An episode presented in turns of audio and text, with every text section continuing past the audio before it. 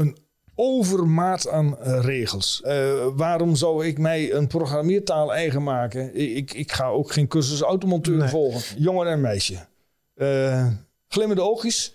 Meneer, we hebben een briljant idee. Je kunt niet meer met het krijtje toe. Zo simpel is dat. Je zult die vaardigheden bazaal eigen moeten maken. Gaan wij nog meemaken dat er ooit een robot voor de klas staat? Nee, nee het zou ook een ramp zijn. Welkom bij deze video en eh, leuk dat je kijkt. En als je luistert naar de podcast, ook van harte welkom.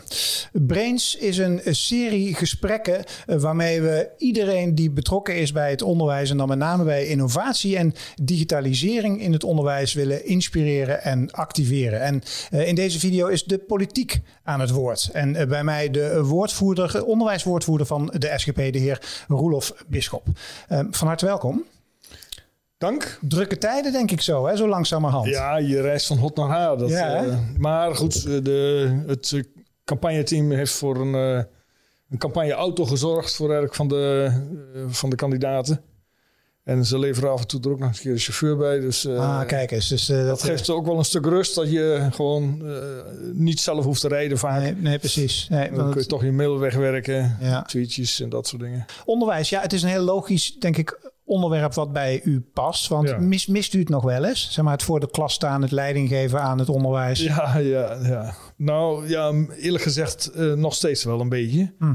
En wat ziet u dan als u naar het onderwijs kijkt op dit moment? Wat er allemaal gebeurt? een, ehm, een overmaat aan eh, regels. Ehm, en eh, dat kun je niet alleen de overheid verwij- verwijten of een inspectie.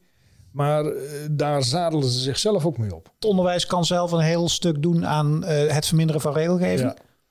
Als, eh, ik, ik heb wel eens tegen mij gezegd: als ik directeur zou zijn, nog steeds, dan zou ik als een soort firewall tussen de overheidswet en regelgeving en mijn personeel gaan staan. Mhm.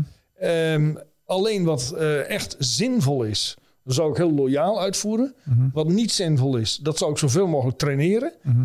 En eh, wat niet hoeft en wat de kinderen niet direct helpt, zou ik gewoon afschaffen. Een van de belangrijkste punten bij jullie, het, artikel eh, 23. Hè? Dus Ja. de, de, de vrijheid van onderwijs. Ja. Dan had de CDA pas geleden volgens mij ook nog de brutaliteit om daar een beetje aan te tornen. Ja. Eh, hoe, hoe zitten we in die wedstrijd, zeg maar? Ja, kijk, en iedereen roept die vrijheid van onderwijs is heel belangrijk. Hè? En, ehm, en dat is het ook. Dat, dat maakt eh, die constitutionele verankering, maakt het Nederlands onderwijssysteem ook bijna uniek in de wereld. Het beroerde is dat er nogal wat ehm, politieke partijen zijn die zeggen: van, ja, maar, ja, maar je moet dat, eh, dat artikel moet wel gemoderniseerd worden. Ja, En omdat dat- er natuurlijk bewegingen zijn in de maatschappij. En dan krijg je het heikele punt van bijvoorbeeld een homoseksualiteit, waar natuurlijk heel veel discussie over is. Eh, In hoeverre eh, is dat dan zodanig een waarde geworden dat dat Ja. ook zijn weerslag moet vinden in het onderwijs? Discussie die ik op zich snap. Ja, die snap ik ook wel.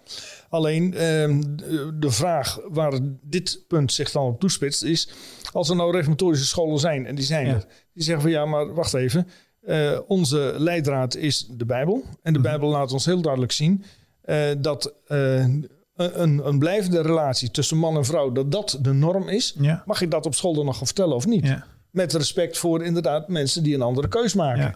Terwijl het grote probleem en de grote angst natuurlijk is de salafistische invloed via de islamitische school. Want wat is het verschil?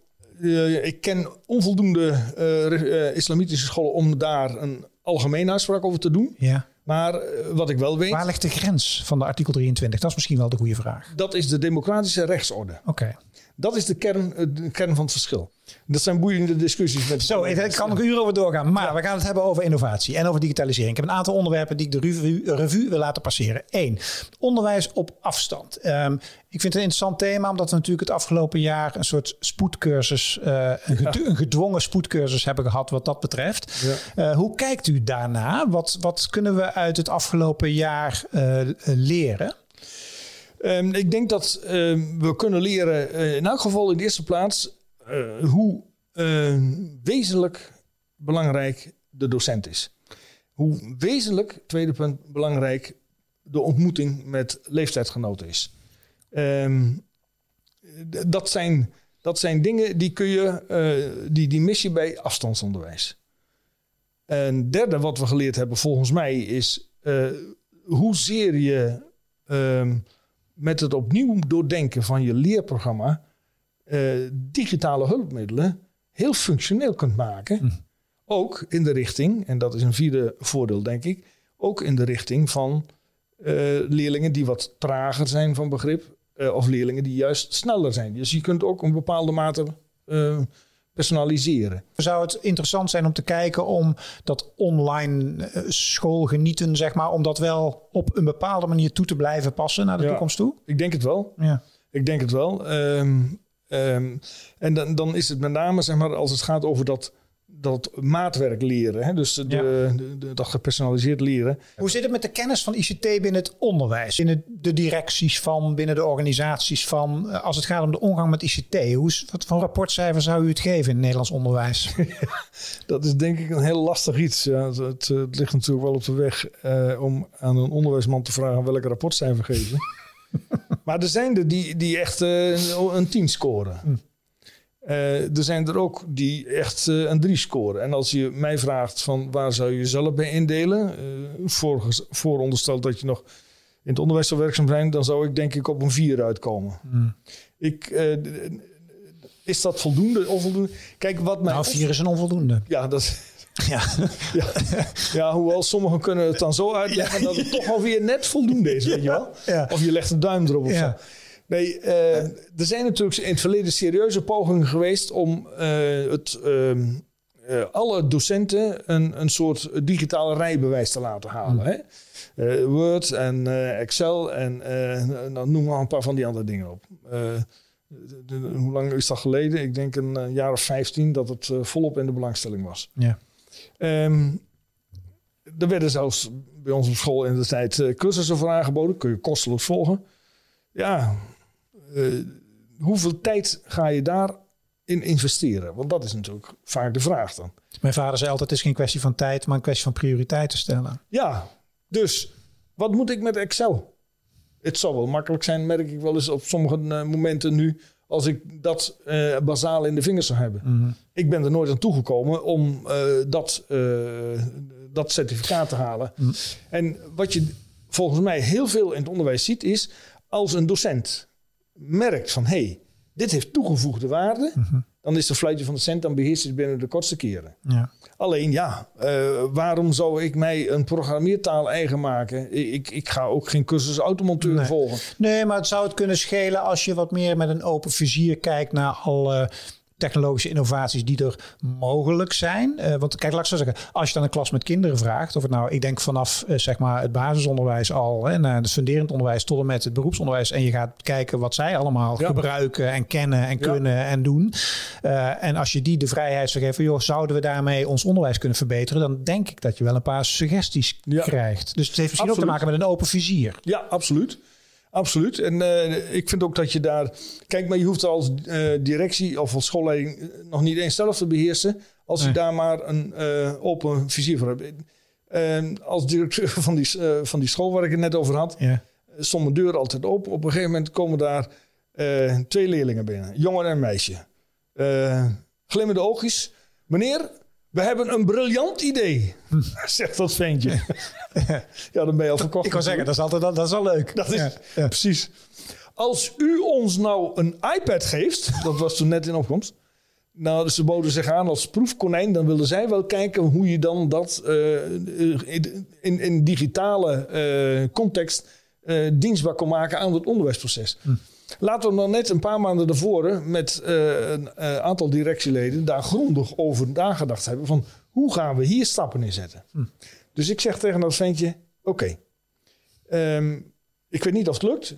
Ik ga ervoor dat jullie tweeën als proefkonijn een uh, iPad krijgen. En dan gaan we een keurige terugkoppeling wekelijks gaan we regelen. Jullie ervaringen willen we allemaal horen enzovoorts. En een collega die daar de, de, de spin in het web van werd. Ja. Nou ja, die hebben uh, een iPad, iPad gehad. En? En uh, echt, echt laaiend enthousiast. Want ik kwam, uh, nadat ik weg was, kwam een paar maanden later nog eens op school. En een ventje zag me, die schoot me aan en die vertelde glunderend... hoe het met, met het iPad-project ging. Dat ging nog gewoon door. En ja, ik vind dat prachtig. En dat is een natuurlijke manier. Ja. Ehm, een andere manier. Kijk, je kunt het geforceerd opleggen, afdwingen. Ja, dat, dat schiet niet zoveel op. Op, op het moment dat het nodig is, dat hebben we gezien in die coronacrisis. Mm Dan worden er meters gemaakt. Ja. Ehm, je zag toen ook een soort verschuiving van, ik wil niet zeggen de macht, want dat heeft niks mee te maken, maar met de, de bepalende rol van de kinderen, die precies weten hoe ze op die knopjes moeten klikken. En de wat hulpeloze docenten die mee moeten worden genomen in, eh, in, in een leerweg. Het was bijna de situatie omgedraaid. Hè, Ja, nou ja, goed, maar op zich kan dat ook helemaal geen kwaad. Nee, nee, nee, dat, is helemaal uh, niet erg, denk ik. Hoe zorgen we dat de docent van de 21ste eeuw goed is uitgerust? Nou ja, ik ik zou me kunnen voorstellen dat je in de, in de docentenopleidingen heel expliciet aandacht besteedt ook aan de digitale kant van, ja. van de vaardigheden die vereist zijn. Kijk, uh, je kunt niet meer met het krijtje toe. Zo simpel is dat. Je zult die vaardigheden bazaal eigen moeten maken. En hmm. op het moment dat zich iets nieuws aandoet, aandient en je wordt er door overrompeld, ja, dan is het helemaal niet erg als er uh, een leerling in de klas zit die, uh, die er handiger mee is. Ja. Um, en die dat even, uh, dat even ondersteunt. Dat, dat is op zich, voor, uh, ook pedagogisch gezien, kan dat juist heel goed zijn. Ja. Uh, maar op een gegeven moment, als het gemeen goed geworden is, ja, dan is het raar dat je dat niet beheerst. Ja. Maar je kunt daar ook strategieën toepassen. Kijk, het is niet zo dat het van de ene op de andere, het ene op het andere jaar moet. Hè? Um, hoe komt het dat op veel scholen Um, PowerPoints en allerlei andere digitale middelen, die, die whiteboards en, uh, en noem het maar op, dat dat uh, gemeen goed geworden is. Heel simpel. Doordat je secties de gelegenheid gaf om uh, die stap richting digitalisering, een beamer, een, een, ja. een, een, laptop enzovoort. goede wifi. Een goede wifi. De, de, die randvoorwaarden, daar moet je voor zorgen ja. dat dat in orde is dat je de secties de gelegenheid gaf om die stap te maken. Hmm. En uh, dat, was, uh, dat was gewoon bekend. We, we, raamden gewoon per jaar een x aantal lokalen dat uh, uitgerust moet worden. Nou, ik heb het nu over, over zeg maar tien jaar geleden zo'n beetje. Dat uitgerust moest worden met een whiteboard, met, met een beamer en noem het maar op.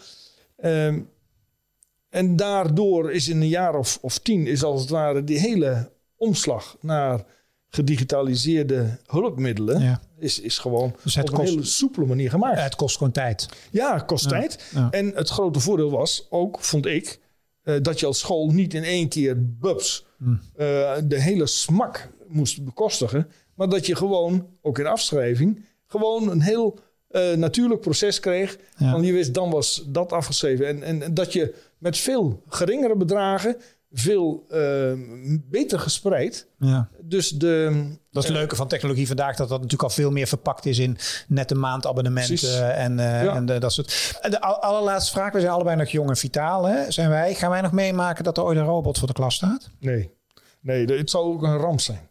Ja? Nee, ik zou mijn kinderen, mijn kleinkinderen, mijn achterkleinkinderen misschien dan wel even wel zijn, die, eh, die zou ik ook eh, absoluut afraden om naar die school te gaan. Ehm, kijk, die, eh, artificial intelligence, wat, wat, wat dat precies gaat, eh, hoe dat precies gaat uitpakken, weet natuurlijk niemand. Nee. Ehm, maar het idee dat je eh, bijvoorbeeld emoties zou moeten programmeren. En dat zo'n robot dan aan een traan in de oog van een ander zou herkennen dat hij ook een traan moet laten. Ja, jongens, zo maakbaar is het leven nou eenmaal niet.